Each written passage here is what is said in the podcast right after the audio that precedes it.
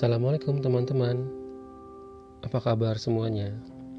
Semoga selalu dalam keadaan baik dan sehat walafiat ya. Sebelumnya gue ingin mengucapkan Selamat Hari Raya Idul Fitri 1441 Hijriah.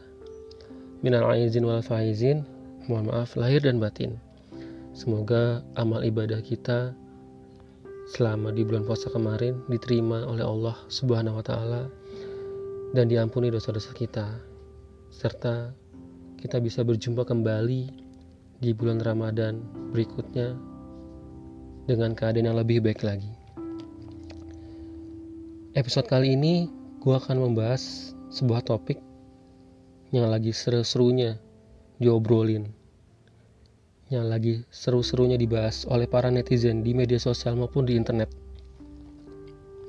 Yaitu tentang new normal kehidupan new normal ini yang akan diterapkan oleh pemerintah sekitar tanggal 1 Juni ini informasi yang gue dapat ya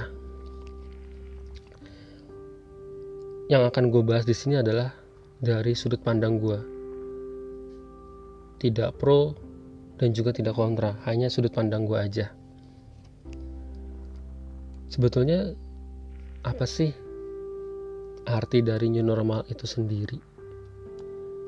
Kalau bagi gue ya, bagi gue pribadi tuh kehidupan dalam beraktivitas tapi e, lebih mengutamakan protokol atau prosedur kesehatan sebetulnya new normal itu sendiri pun sudah kita terapkan di dalam rumah maupun di luar rumah saat kita berkunjung ke lokasi terdekat untuk memenuhi kebutuhan hidup kita. Contoh, misalnya pasar atau ATM.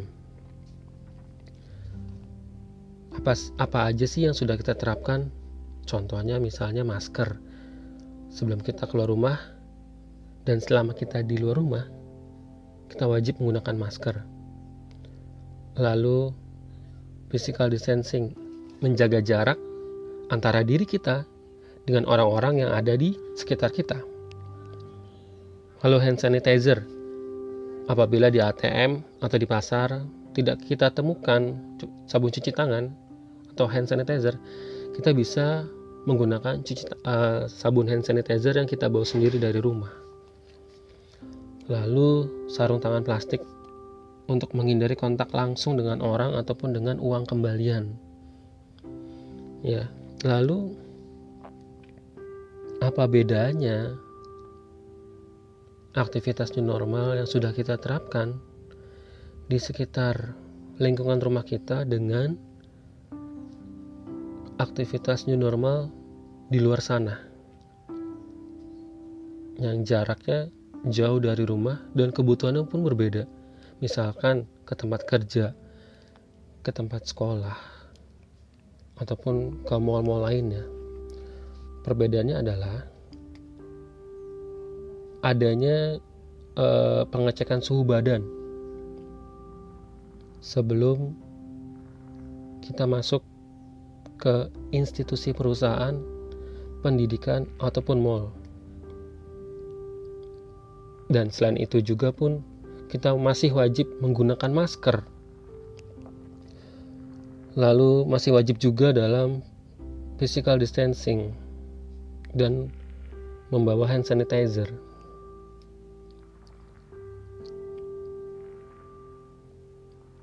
Biasanya di setiap institusi itu sudah menerapkan protokol atau prosedur kesehatan yang sudah ditetapkan oleh pemerintah. Gue ambil contoh nih, misalnya eh, dalam sarana transportasi publik, gue eh, sebelum bulan puasa kemarin naik MRT gitu ya, ada urusan lah gitu. Gue pun diwajibkan dalam menggunakan masker gitu. Suhu tubuh gue juga dicek. Kalau suhu tubuh gue 36 atau di bawah 37 lah gue diperbolehkan uh, naik MRT tapi kalau 37 derajat celcius ataupun lebih dari itu gue dilarang dalam penggunaan transportasi publik MRT alhamdulillahnya sih gue dari keluar rumah nih gue udah pakai masker. Uh, suhu badan gue pun alhamdulillah masih 36 lah. Lalu dari transportasi publik pun sudah menerapkan kebijakan-kebijakan dalam menerapkan kehidupan new normal. Tentunya yang menunjang protokol kesehatan. Contohnya nih, saat kita naik uh, busway, MRT ataupun KRL, mereka sudah mengatur jumlah armadanya, jumlah unit bis ataupun jumlah gerbong dalam uh, memenuhi kebutuhan transportasi masyarakat di DKI Jakarta dan sekitarnya dalam setiap harinya. Contoh nih, misalnya jumlah gerbong KRL yang biasanya mungkin ada 12 gerbong dikurangin menjadi 5 sampai 6 gerbong. Dan jumlah penumpang baik itu di halte maupun di stasiun dibatasin misalnya dalam stasiun atau halte minimal 20 orang. Lalu di dalam gerbong atau di dalam bis misalnya 20 orang juga. Mungkin sebelum-sebelumnya jumlah penumpang di halte maupun di angkutan transportasi umum tidak ini ya tidak terlalu di manage harus berapa berapa yang penting uh, bisa memenuhi jumlah kursi ataupun kuota yang tersedia di angkutan umum ter, angkutan umum tersebut gitu. Tapi sekarang dibatasin ya. Ada juga dibatasin hingga 60 penumpang. Jadi biar ada physical distancingnya gitu lalu headway atau selang waktu keberangkatan dulu gue naik MRT itu selang waktunya 5 sampai 10 menit sekarang 30 menit lagi-lagi untuk menjaga physical distancing. Selain itu ada juga jam operasional dan rute yang diterapkan gitu. Kalau jam operasional itu MRT contohnya dari jam 5 sampai jam berapa ya? Jam 11 malam. Nah sekarang sepertinya sih update yang baru gue baca ini sesuai dengan jam kerja ya misalnya dari jam setengah 6 atau jam 6 sampai jam 8 atau dari jam 3 sore sampai jam 8 malam gitu. Rutenya pun juga gitu. Tidak semua uh, halte Transjakarta dapat melayani penumpang ya. Ada halte-halte tertentu yang dibuka khusus untuk penumpang yang wilayahnya itu dekat dengan daerah perkantoran. Namun ada juga halte yang ditutup. Mungkin karena uh, selain menerapkan physical distancing juga uh, mungkin halte itu sepi dari penumpang tidak terlalu membludak gitu ya. Dan juga stasiun yang beroperasi. Dulu MRT itu semua stasiun beroperasi sesuai dengan jam operasional dan aturan yang berlaku. Tapi dengan adanya PSBB, sekarang ini hanya beberapa stasiun yang beroperasi dengan normal.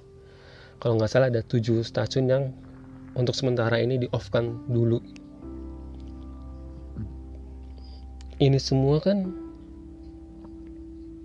diterapkan oleh pemerintah untuk mencegah penularan COVID-19 agar tidak ada lagi masyarakat Indonesia yang terinfeksi COVID-19 ini gitu. agar cepat reda agar COVID-19 ini bisa cepat hilang gitu dari Indonesia lalu pertanyaannya kehidupan new normal yang akan diterapkan oleh pemerintah nanti bakalan efektif atau enggak sih? Jawabannya adalah tergantung. Tergantung apa? Tergantung dari kesadaran individu. Individu tersebut atau masing-masing dari diri kita sadar nggak sih arti dari pentingnya menjaga kesehatan baik untuk diri kita maupun untuk orang lain. Sadar gak sih? Apa yang kita lakukan itu berdampak besar buat orang lain. Kita pakai masker itu bisa menyelamatkan hidup orang banyak. Karena kita nggak tahu kita ini positif atau negatif dari COVID-19 ini. Dan juga bisa menyelamatkan para tenaga medis yang berjuang di garis terdepan untuk menyembuhkan pasien-pasien yang terinfeksi COVID-19. Jujur gue sedih banget. Masih ada loh pahlawan kita. Gue menyebutnya pahlawan ya. Para tenaga medis yang gugur di medan perang karena keegoisan kita, karena rasa sombong yang kita miliki, karena kita belum sadar betapa pentingnya kita menjaga kesehatan, terutama dalam penggunaan masker, dalam physical distancing, dalam aktivitas hidup kita. Teman-teman kemarin pasti baca berita dong di media cetak, media elektronik, menjelang lebaran, masih ada loh pasar-pasar, mall-mall yang dibuka untuk memenuhi kebutuhan masyarakat dalam membeli pakaian baru yang akan digunakan saat lebaran nanti. Hey, guys, Kalian sadar gak sih? Buat apa baju baru yang kalian beli di saat lebaran nanti itu buat apa gitu. Toh kalian dalam merayakan hari raya lebaran di tahun ini tidak bisa ke mana-mana, tidak bisa keluar rumah. Solusinya adalah silaturahmi virtual menggunakan video call Contohnya Zoom, Google Meet, ataupun dengan WhatsApp video call. Miris gue ngeliatnya. Ada ibu-ibu ditanya, kenapa bu beli baju baru? Lu tahu nggak jawabannya apa? Karena anak saya merengek, minta dibelikan baju baru.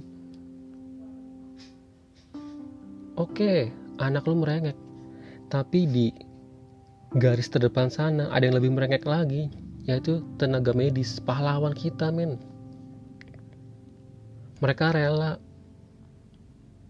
nggak ikut lebaran bareng keluarga. Mereka rela untuk membantu mengobati pasien yang terinfeksi. Mereka satu tujuannya hanya untuk menyembuhkan pasien tersebut. Mereka berjuang agar COVID-19 ini bisa segera berakhir, agar mereka bisa kembali ke keluarga, berkumpul bersama mereka, berbagi canda dan tawa bersama dengan keluarga. Tapi sayangnya itu semua tidak terjadi karena ulah kalian ke pasar, ke mall beli baju baru. Ditanya kenapa nggak beli secara online, katanya takutnya nggak cocok, takutnya nggak pas, takutnya salah. Please deh, masih ada loh warga Indonesia yang punya pemikiran seperti itu gitu. Sangat disayangkan sekali. Akhirnya jumlah positif COVID-19 di Indonesia semakin banyak sampai uh, hari kemarin hari Sabtu kemarin terakhir gue dengar sampai 25 ribu nggak terhitung jumlah pahlawan jumlah tenaga medis yang udah gugur berapa mereka nggak mikirin. Mereka nggak memikirkan kalau mereka tuh kangen dengan keluarga. Mereka kangen bisa beraktivitas secara normal. Nggak tahu deh gue mesti ngomong apa. Yang jelas coba deh. Mulai hari ini kita sadar diri aja tidak perlu menonjolkan sifat egois kita. Nggak perlu menunjukkan sifat sombongnya kita. Sifat sombongnya sifat sombong yang gue maksud di sini adalah sifat sombong yang udahlah keluar rumah nggak perlu pakai masker. Gue sehat kok. Kan lebih sehat menghirup udara yang segar udara udara yang alami gitu loh. Buat apa gue pakai masker? Gue kebal men. Gue gue kebal banget. Gue kalau rajin ibadah ke masjid misalkan pasti gue akan kebal eh belum tentu bro coba lu baca berita deh ketika ada sebuah kerumunan dalam menjalankan sebuah ibadah di rumah ibadah malah sebagian besar orang-orang yang menjalankan ibadah di rumah ibadah tersebut malah terinfeksi. Nah sekarang lu mau jawab apa? Lu mau lu mau ngomong apa? Mulai dari sekarang deh. Jangan pernah meremehkan virus ini. Kita harus sadar diri. Pakai masker. Pakai sarung tangan kalau perlu. Apalagi face shield ya face shield itu pelindung wajah ya guys masih ada loh yang nanya face shield itu apa ya ampun miris banget gue mungkin saking cueknya dengan berita-berita di media cetak atau media elektronik kali ya jadi nggak tahu apa tuh face shield gue yang pakai masker aja nih ke ke pasar atau ke tetangga gue buat beli galon aja masih nanya yuk lu lagi sakit enggak loh lu kenapa pakai masker ya buat jaga-jaga aja kan lagi ada virus corona dan lu tahu ekspresi tetangga gue kayak gimana? Biasa aja, datar. Nggak ada rasa takut atau gimana gitu. Heran nggak? Bener-bener marah banget sih. Selain itu, selain lu pakai masker, setiap kali lu masuk rumah, keluar dari aktivitas di luar gitu ya, entah pasar atau ke ATM, ataupun tempat kerja, usahakan lu langsung mandi. Lu taruh pakaian yang lo gunakan itu di keranjang yang berbeda dengan keranjang yang digunakan oleh orang rumah yang standby di rumah lu uh, taruh di keranjang lu mandi dulu yang bersih baru habis itu lu beberapa jam kemudian lu taruh di mesin cuci dan langsung lu cuci pada saat itu juga supaya yang di rumah tidak ter terkontaminasi ya guys lalu berikutnya Banyak yang bertanya, kapan sih virus corona ini berakhir? Ya, itu tergantung dari diri kita. Sadar atau enggak tentang pentingnya kesehatan. Saling menjaga aja sih, baik untuk diri kita maupun orang lain gitu. Terakhir dari gua, sudah siapkah kita dengan kehidupan new normal. Gua Satrio. Terima kasih buat teman-teman yang sudah meluangkan waktunya untuk mendengarkan episode kali ini.